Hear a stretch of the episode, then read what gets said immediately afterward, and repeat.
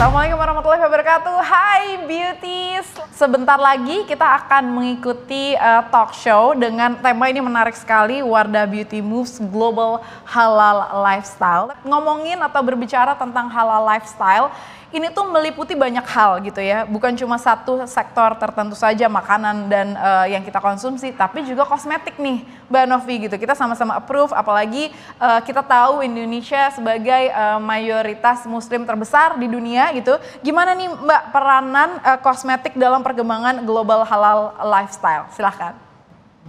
Okay, Wanda is the pioneer of halal beauty brand that upholds usefulness for the others dan juga environment uh, while giving a long-lasting impression uh, since the beginning. Wardah as a pioneer in halal beauty brand, Wardah itu having the three fundamental pillars gitu ya. Jadi yang pertama itu adalah uh, Wardah stands for the halal green beauty uh, innovation. Yang kedua lalu adalah Wardah uh, global local experts dan yang ketiga adalah bahwa Wardah itu stands for the greater good. Jadi Wardah itu stands for uh, we bring up the usefulness for the society gitu ya. Uh, to have the to have the solution for the unmet uh, of the woman's expectation while uh, kita tidak tidak bisa meneglect halal uh, concept of lifestyle. Luar biasa, Masya Allah Mbak Novi dengan berbagai macam uh, pencapaiannya juga, misi-misi ke depan, berbagai macam program-program yang uh, terus dikembangkan gitu dan juga disupport dengan produk-produk yang uh, mensupport halal lifestyle. Dan uh, sekarang di sesi ini akan menghadirkan pembicara luar biasa, mereka juga termasuk Brave Beauties yang pertama akan saya hadirkan seorang digital creator, fashion enthusiast, uh, juga seorang owner dari at sjk.atelier yang uh, juga seorang uh, fashion fotografi uh, project gitu ya, punya fotografi uh, project. Uh, now she is staying in Sydney, Australia. Ada Ana Oktarina. Hai Ana. Uh, one of our speakers all the way from US. She is American journalist, producer, media personality.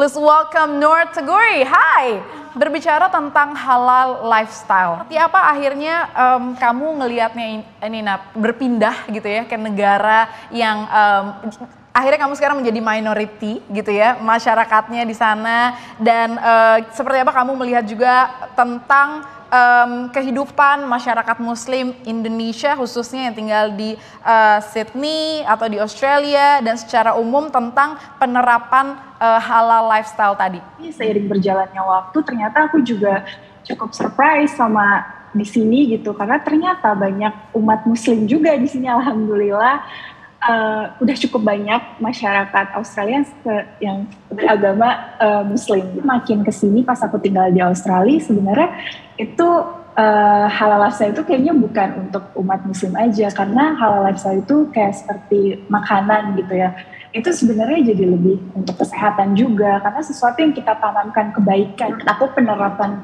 halal lifestyle ini bukan hanya untuk seorang muslim tapi ternyata banyak teman-teman aku yang non muslim pun ngejalanin karena memang um, untuk kebaikan ya menurutku. I'm gonna ask to Noor.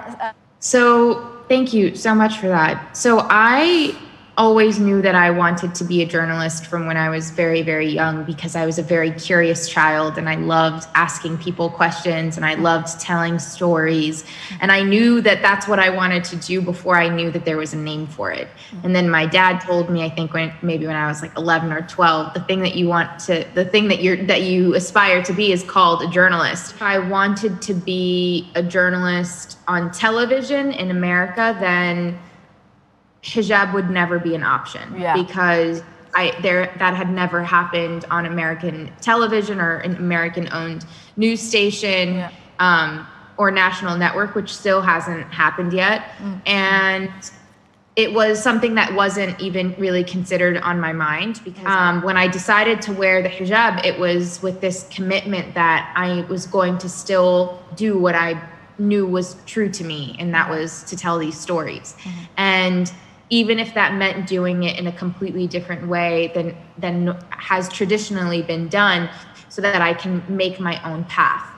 Mm-hmm. And now I'm really grateful for that opportunity but because when you have what maybe society deems as an obstacle, mm-hmm. right? And mm-hmm. I say that because it's very important to be clear that what what makes us unique what makes us different from the mainstream or different from the norm Hmm. that is not a weakness it's not about my, me or my identity Right. but me and my identity is is a part of why I tell stories the way that I do and is it a, it's, it's part of my strength now so it's really about in our own minds reframing how we see the situation and story and say do I want to see myself as a victim or do I want to see myself as strong and have um, and obviously there are nuances with that too but that's the way that I've been able to reframe I think brands should be working to represent anybody that they are trying to serve especially when it comes to beauty specifically Yeah. we have these Western centric or Eurocentric beauty standards. Oh, That have ingrained that even we have internalized. Right. And now there's this massive shift because people want to see people who look like them, who feel like them, who speak like them, and want to want to be reminded and want to know from the brands that are trying to sell them things that they too are part of this beauty community. And what does that mean to redefine beauty? Well, that is very powerful. And uh, before we continue this uh, chit chat, I'm gonna uh, invite another speaker. Uh, she is Sabrina Anggraini. She's uh, the brand ambassador of Wardah. Now she is uh, studying at MIT. She's at uh, US at the moment. Gimana sih pandangannya Sabrina tentang global halal lifestyle uh, yang juga banyak digandrungi di Amerika dan yang pastinya kalau membandingkan dengan Indonesia seperti apa? aku ngeliat di Amerika ini apalagi karena isi demografi orang-orangnya tuh sangat diverse ya, kayak banyak pendatang dari negara lain. Jadi um, diversity atau inklusivitas itu jadi sesuatu yang isu yang hot di sini.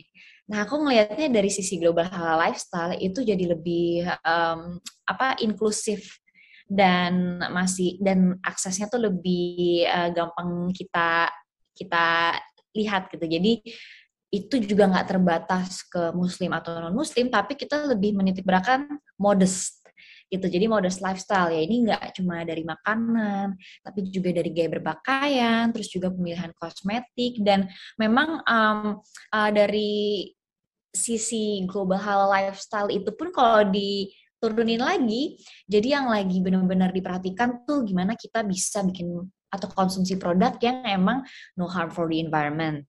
Karena climate change itu kan juga isu isu dunia ya, nggak cuma di Amerika spesifik. Uh, terus kita juga menitik beratkan uh, gimana kita juga no harm to animals, terutama itu kalau di produk kosmetik nih teman-teman. Jadi aku ngelihatnya global halal lifestyle itu lebih uh, berkembang, terus lebih inklusif, lebih aksesibel buat semuanya, dan um, aku ngerasa itu menarik banget sih, karena jadinya kita semua jadi punya lebih banyak opsi. Thank you Sabrina. Thank you so much. Ana juga terima kasih banyak. Take care dan mudah-mudahan semua dalam keadaan sehat. Stay healthy everyone. Dan terima kasih Mbak Novi. Uh, I'll see you guys hopefully inshallah uh, next time.